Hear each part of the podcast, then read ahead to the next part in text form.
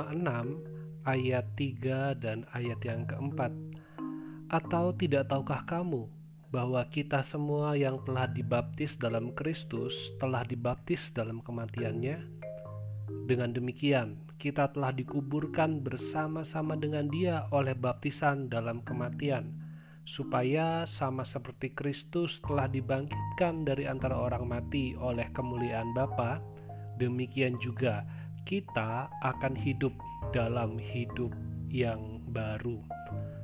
Menjadi orang Kristen percaya kepada Yesus adalah sebuah anugerah yang membawa kita pada perubahan hidup, yaitu hidup yang mengarah pada Kristus, hidup yang tertuju pada kehendak Allah. Inilah hidup yang baru. Kehidupan lama adalah kehidupan tanpa Kristus, kehidupan yang hanya berfokus pada diri sendiri untuk memenuhi keinginan atau kebutuhan pribadi. Itulah kehidupan lama, kehidupan yang semakin membuat manusia jauh dari Allah. Tetapi kita sungguh bersyukur kepada Allah karena anugerahnya, karena kasihnya. Ia mengutus putranya Yesus Kristus datang ke dunia untuk mencari dan menyelamatkan kita manusia yang terhilang dan mengenal Yesus memberi kita arah dan tujuan yang baru, yaitu menyatakan dan menggenapi kehendak Allah dalam kehidupan kita.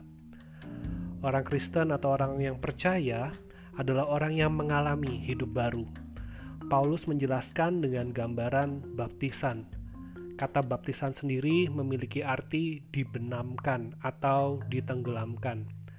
Ketika kita percaya kepada Kristus, kita telah dibenamkan di dalam Kristus oleh Roh Kudus. Jadi, kita yang diselamatkan adalah orang-orang yang dipenuhi Kristus, sehingga Kristuslah yang menguasai seluruh hidup kita. Kita bukan lagi milik diri kita sendiri, tetapi kita menjadi milik Kristus. Orang yang dibaptis dalam Kristus adalah orang-orang yang mati di dalam Kristus dan kita bersyukur bahwa Kristus mengalahkan maut, sehingga kita pun yang mati di dalam Kristus adalah orang-orang yang menerima kemenangan. Kita adalah orang-orang yang dibangkitkan bersama-sama dengan Kristus. Kita telah mati, tetapi di dalam Kristus kita memperoleh hidup yang baru. Oleh karena itu, mari kita melangkah dalam kehidupan kita menuju arah yang baru. Kita sudah bangkit di dalam Kristus Mari kita hidup untuk Kristus. Di dalam setiap kita mengambil keputusan, ingatlah Kristus. Di dalam kita berkata-kata, ingatlah Kristus.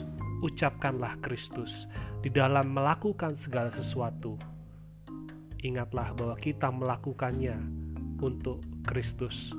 Sehingga Allah dimuliakan, Kristus dimuliakan di dalam seluruh kehidupan kita Mari kita gunakan kesempatan yang ada dengan segenap diri kita, dengan segenap akal budi kita, dengan segenap kekuatan kita. Kita menyatakan kehendak Allah sesuai dengan kebenaran firman-Nya, sehingga keberadaan kita boleh menjadi saksi yang indah yang memuliakan Tuhan. Segala hormat, pujian, dan kemuliaan hanya bagi Allah. Roh Kudus nantiasa memimpin dan menguatkan kita dalam menjalani kehidupan kita. Tuhan Yesus memberkati.